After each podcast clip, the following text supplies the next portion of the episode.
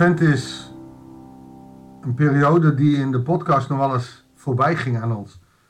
Omdat het rooster op een heel andere tekst inging. Afgelopen zondag is Advent ingezet, de eerste Advent. En we zitten in die eerste Adventsweek. Maar als je om je heen kijkt, zie je een wereld die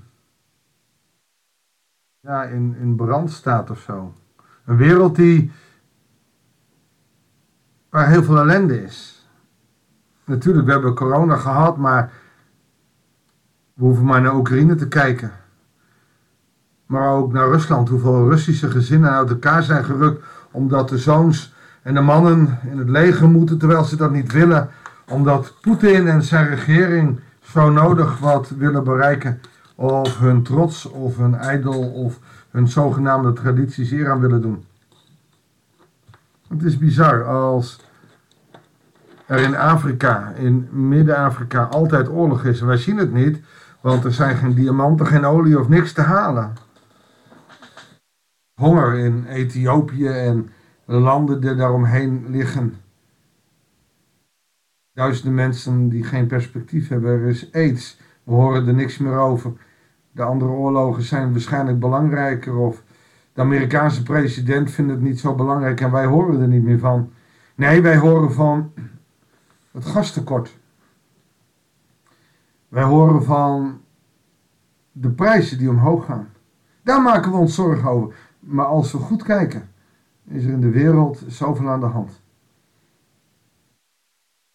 En je zou kunnen zeggen, we leven in een duistere wereld en er is nog nooit zo nodig advent geweest, zou je kunnen zeggen. Maar dat dachten ze in de Tweede Wereldoorlog ook. En dat dachten ze in de middeleeuwen tijdens de pestepidemie ook. Maar laten we eerlijk wezen. Leven wij als volk niet in een stuk duisternis? Is deze wereld niet een, een duistere wereld waarin we allemaal proberen iets van vrolijkheid en moois voor elkaar te krijgen? Maar als je te veel naar het journaal kijkt, en ik zal je eerlijk bekennen, ik kijk steeds minder journaal en dat is ook niet goed. Wil je hoofd niet in het zand steken. Nou, en midden in deze tijd is het advent. Goeiedag, hartelijk welkom bij een nieuwe podcast. En we lezen, verrassend, zo aan het begin van deze uh, tijd, lezen wij een, een, een prachtig gedeelte. En ik, ik smokkel even. Ik doe even uh, een, een, een, een tekst die daarvoor staat. En die lees ik snel met je door, zodat je het ziet. Want we lezen Jesaja 9, vers 7 tot en met 16. Maar ik kan er niet omheen dat ik toch die duisternis weg wil laten doen door de profetie met de belofte van het licht. Want in Jesaja 9, vers 1 staat: Het volk dat in duisternis ronddoodt, dat is niet alleen Israël, maar dat zijn alle gelovigen, dat is de wereld, ziet een schitterend licht. En ik hoop dat met kerst dat licht ook gezien wordt. Zij die in donker wonen, worden door een helder licht beschenen. U hebt het volk weer groot gemaakt. Diepe vreugde gaf u het. Blijdschap, als op de vreugde bij de oogst. Ze jubelen bij het verdelen van de buit. Het juk dat op hen drukte, de stok op hun schouders, de staf van de drijven. U hebt ze verbrijzeld, zoals Midjans destijd. Nou, dan gaat hij nog even verder en dan vers 5. Want een kind is ons geboren, een zoon is ons gegeven. En de heerschappij rust op zijn schouders.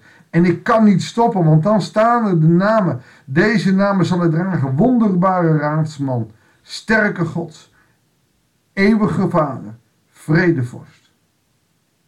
Nou, dat is het gedeelte uh, wat voorafgaat aan het gedeelte wat wij gaan lezen. Want we lezen deze dag Jesaja 9, vers 7 tot en met 16. Dan gaat hij verder. De Heer heeft zijn woord op Israël afgestuurd.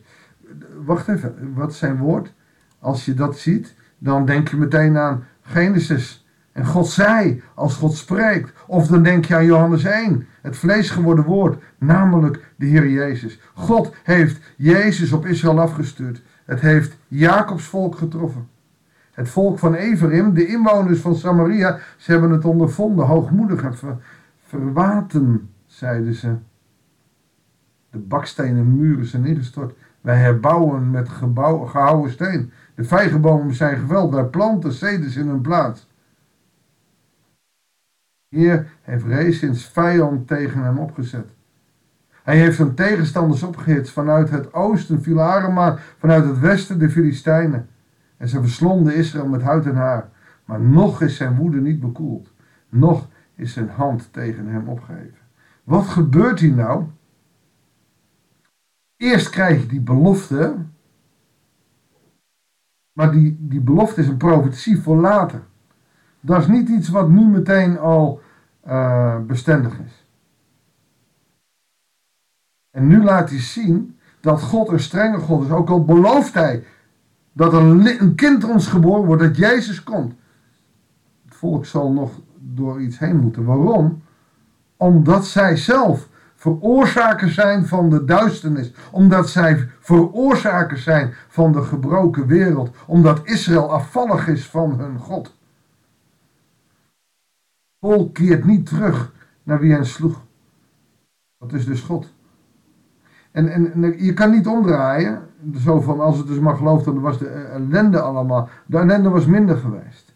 En de ellende is vol perspectief. Hè? Als je nu ook in je eigen leven kijkt, kan we zeggen: ik geloof, maar daarom kunnen we ziek worden. Alleen het perspectief en de kracht die God kan geven door zijn zegeningen zijn zo groot, dat mag je nooit onderschatten. En het volk heeft hem de, de rug toegekeerd.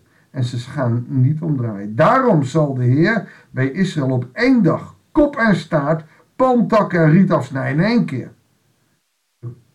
Kop zijn de oudste en aanzienlijke. De staart de leugenprofeten. Alles pakt hij aan. De leiders van dit volk werden misleiders. Dus de leiders werden misleiders. Het volk dat leiding zoekt is op een dwaalspoor gebracht. Daarom wil de Heer de jongeren niet sparen, zich over hun wezen en weduwe niet ontfermen. Het volk is goddeloos en zondig. Iedereen verkondigt dwaasheid. Maar nog is zijn woede niet bekoeld, nog is zijn hand tegen hen opgeheven. En zo denk ik ook wel eens dat God naar onze wereld zit te kijken.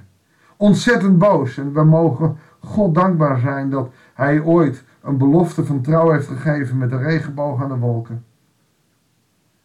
Hij zal deze wereld niet meer vernietigen, maar hij zou het soms willen doen, omdat wij er met z'n allen een puinhoop van maken. De enige oplossing die hij geeft is de profetie, want een kind is ons geboren. Dat wij Advent vieren, heeft er alles mee te maken dat wij er een grote puinhoop hebben gemaakt. Israël deed dat, maar wij doen dat ook. Wij zijn niet zo geweldig dat we denken dat we dit allemaal verdiend hebben. Wij hebben zijn genade niet verdiend. En we moeten niet denken, ach, hij is helemaal voor ons aan het kruis gestorven. Dus nu zal het allemaal wel meevallen. Nee, want nog is de woede van God niet. Dus zal ongetwijfeld nu ook enorm zijn. En ook al is zijn zoon gekomen, wij hebben het niet gezien of willen zien. Dat is triest. Het is ontzettend moeilijk om te zien hoe, uh, hoe God boos moet zijn, ook op ons en op onze wereld. En dan kunnen we alleen maar dankbaar zijn voor de genade door het kruis op Golgotha. Maar dat moest dat kind komen doen, hè. Hij kwam als een babytje om de wereld te redden. Bizar. Hij kwam als een babytje om jou en mij te redden. Dat is bizar. Laten we God maar gewoon danken. Want we zien dat de puinhopen van toen niet anders zijn dan de puinhopen van nu. Vader God in de hemel, spijt ons dat we er nog steeds zo'n puinhoop van maken. Dat het ons niet lukt om de wereld beter te onderhouden. En dat we wel kunnen zeggen dat Israël toch wel dom bezig was, maar dat wij met z'n allen soms ook zo dom bezig zijn. Heer, ook alleen als we naar de kerken kijken die het niet eens lukt om mensen vast te houden. Zoveel kerken sluiten ook dit jaar weer. Heer, vergeef ons. Als wij mensen niet meer kunnen inspireren tot uw liefde, tot uw genade. Onze taak is niet eens zo groot. Vertel het ze maar. Ga heen en maak alle volken tot mijn discipelen. We hoeven ze alleen maar over de liefde en de genade te vertellen die u heeft. Over die positiviteit, omdat u het licht bent in deze wereld, Heer God. En wij zien het niet. We doen er niks mee en de wereld brokkelt langzaam af. Heer God, waar moet het naartoe? We weten het, als je Lucas 21 leest, Heer God, we hebben het van de week nog gelezen, dan zal er donderend geweld zijn. De maan, de sterren, ze zullen allemaal alle kanten opschieten.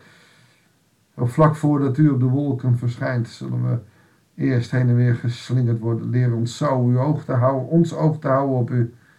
Heer God, dat ons geloof zo groot is dat als die dingen gaan gebeuren, dat we er klaar voor zijn. Weer wil ons daarmee helpen. Dat bidden we. We bidden ook Maranatha, kom haastig. Wat er ook gebeurt, Heere God. Red deze wereld, want deze wereld kan zichzelf niet meer redden. Dat bidden wij en danken wij u in Jezus' naam. Amen. Dankjewel voor het luisteren. Een pittige boodschap. Doe er wat mee. Steek je hoofd niet in het zand. En groei. Groei in geloof. Dat bid ik je zegen en toe. Tot kijk tot de volgende uitzending van het Bijbelsdagboek.